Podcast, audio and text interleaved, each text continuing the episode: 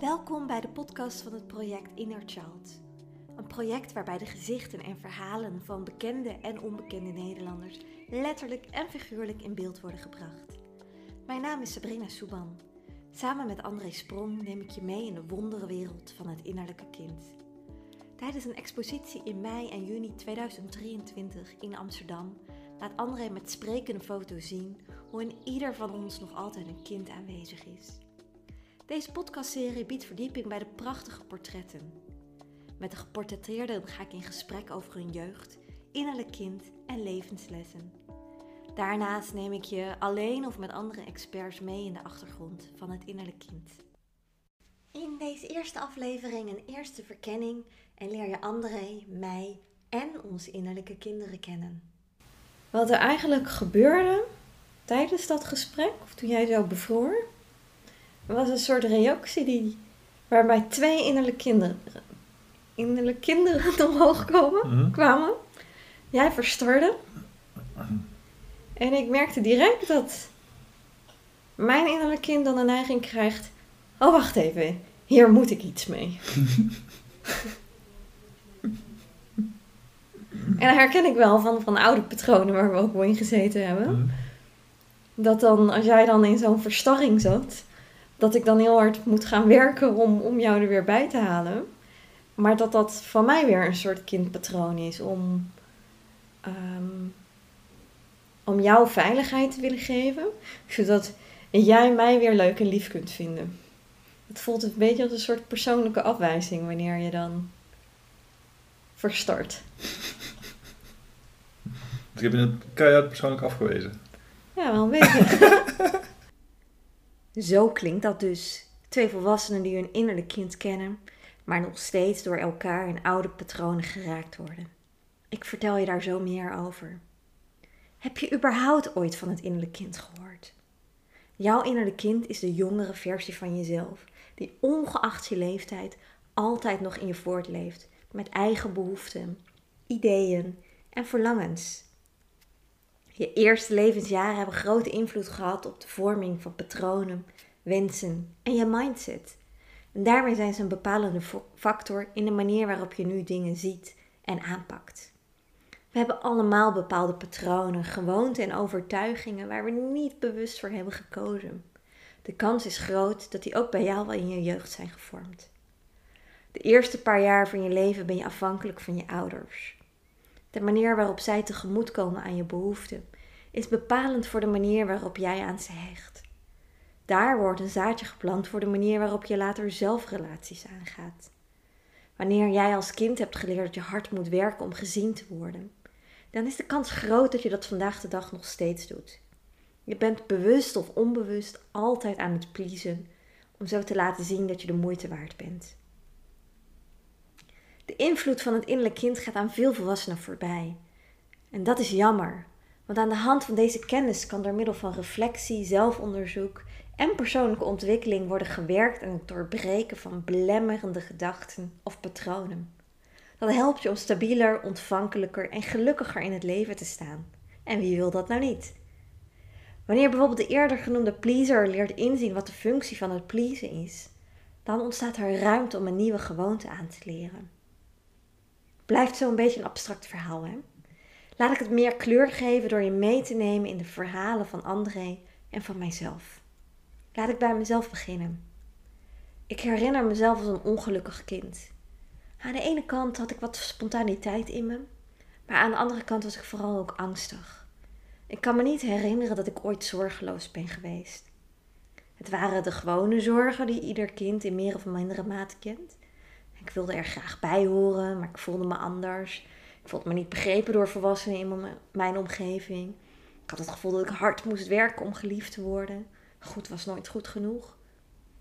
Volwassenen vonden me eigenwijs, niet wetende dat anderen dat op, andere op latere leeftijd anders zagen. Waar vroeger iedereen vroeg hoe het kon dat ik zo eigenwijs was, krijg ik nu bijna dagelijks de vraag hoe het kan dat ik moeiteloos bij mezelf kan blijven. Ik ben nooit eigenwijs geweest. Ik heb gewoon altijd heel sterk geweten wie ik ben en wil zijn. En niets of niemand kon me van dat pad houden. Nu is dat een kracht, maar toen voelde ik me vaak eenzaam. Ik was geïnteresseerd in spiritualiteit, maar voor dat soort onzin was bij ons thuis geen ruimte. En daarnaast droeg ik een groot geheim met me mee. Ik groeide op in een witte gemeenschap met een ogenschijnlijk Hollandse opvoeding. Maar bij mij thuis was het anders dan bij mijn vriendinnen. Er gebeurden dingen waar ik niet over mocht praten en waar ik nog steeds liever niet over praat. Ik kom uit een familie van overlevers. Al generaties lang overleven we gruwelijke trauma's, slavernij, mishandeling, scheidingen, seksueel geweld, ontvoering, armoede, noodgedwongen emigraties, overleden kinderen, ziekte, verslavingen. En dan is er nog alles waar ik geen weet van heb, maar wat wel impact had op mijn ouders en hun ouders en daar weer de ouders van en ook op mij. Allebei mijn ouders zijn opgegroeid in Suriname en hebben veel meegemaakt in hun leven. Ze leerden om niet over hun leed, angst en verdriet te praten. Dat kwam weer van hun ouders. En wie weet hoeveel generaties dat al speelt. Het onderdrukken of negeren van hevige emoties, dat is een mechanisme om letterlijk te kunnen overleven. En tijdelijk is dat best handig, maar op lange termijn gaan die emoties een andere uitweg zoeken. Onderdrukte emoties willen altijd bovenkomen. Zie het maar als een strandwal die je onder water probeert te duwen. Er is steeds meer nodig om die bal onder water te blijven houden. Dat is het mechanisme wat schuilgaat onder veel verslavingen. De verslaafde komt met moeilijke gevoelens en zoekt naar een manier om deze uit te schakelen of te laten overschaduwen door iets anders. die gevoelens gaan vervolgens weer harder roepen, waardoor er meer nodig is van het verslavende middel. Dat was, er ook wat, dat was ook wat er gebeurde bij ons thuis. Een van mijn ouders dronk en gokte. Het resulteerde in stemmingswisselingen, geldzorgen en andere uitdagingen waar ik als klein meisje niet goed mee kon dealen en ook niet mee hoorde te dealen. Mijn puberteit was ik boos. Boos op het onrecht in mijn leven, boos op mijn ouders, maar bovenal boos op mezelf. Ik was ook verdrietig en bang. Maar net als mijn ouders had ik nooit geleerd om te dealen met hevige emoties. Dat is logisch. Zij hadden dat nooit geleerd, konden dat niet. Dus hoe hadden ze mij dat ooit kunnen leren? Zo zie je dus hoe patronen binnen een familie worden doorgegeven en hoe het innerlijke kind van de ouders invloed heeft op hun eigen kinderen. Mijn jeugd was heel anders dan dat van André. Het volgende fragment hoor je André vertellen over zijn jeugd. Nou, ik heb zelf een hele fijne jeugd gehad. Mijn vader werkte. En mijn moeder was altijd thuis voor ons om, om voor ons te zorgen. Dus daardoor waren we ook, ja, uh, werden we altijd goed verzorgd als we thuis kwamen vanuit school vriendjes, uh, vriendinnetjes die vonden het ook super fijn om, bij ons thuis te spelen.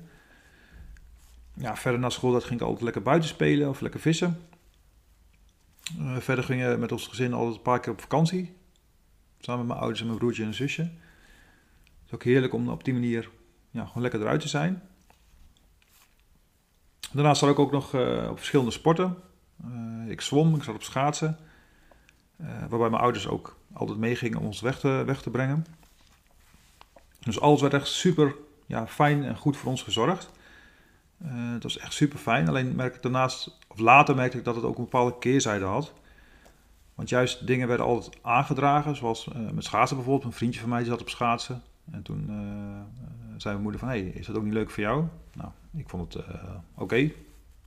Maar voor, voor de rest had ik er nooit echt over na hoeven denken of zo. Van, hey, wat wil ik eigenlijk zelf? Of vind ik dat zelf heel leuk? Op een manier ging dat heel makkelijk in mee. Uh, voor bijbaantje net zo.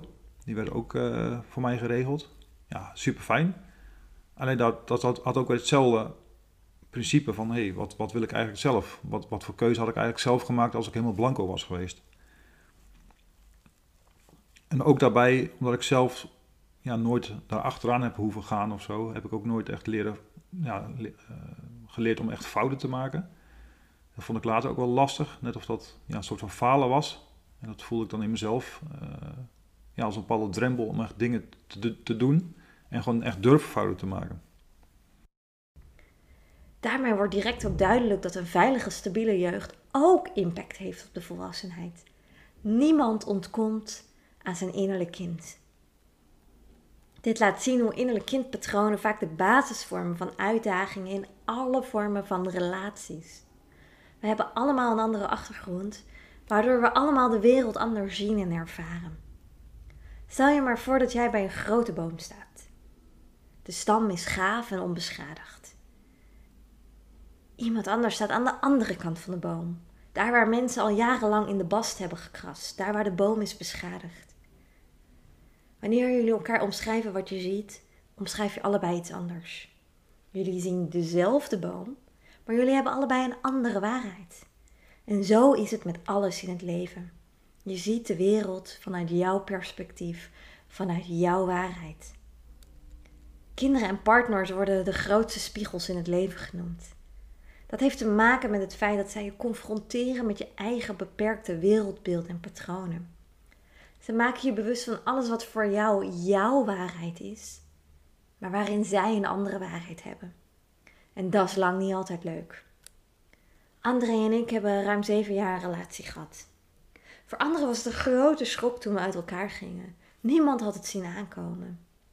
En nog steeds vraag ik mezelf soms ook wel af waar het precies misging. In theorie passen we perfect bij elkaar, maar in praktijk werkte het gewoon niet. Misschien had het wel alles te maken met onze innerlijke kinderen. Onze diepe behoeften liggen ver uit elkaar. We ervaren liefde op een andere manier. En hoewel we elkaar nooit verantwoordelijk hebben gehouden voor ons eigen gevoel, bleek het toch een lastig ding te zijn. Als levenspartner zijn we misschien niet de beste match, maar dat neemt niet weg dat we een goed team zijn. We bundelen onze verschillende achtergronden, kwaliteiten en inzichten tijdens dit project. Samen willen we meer aandacht voor het innerlijk kind creëren. Simpelweg omdat we geloven dat het leren van je eigen innerlijk kind ervoor zorgt dat je meer begrip en liefde kunt voelen voor anderen. En dat is precies wat de wereld nodig heeft. Op Instagram horen wij graag van je hoe je deze aflevering hebt ervaren. We zien je graag terug op onze Instagram pagina project inner child. Daarnaast zijn wij ook nog op zoek naar mensen die model willen staan voor onze expositie. Kijk voor meer informatie op onze website www.projectinnerchild.nl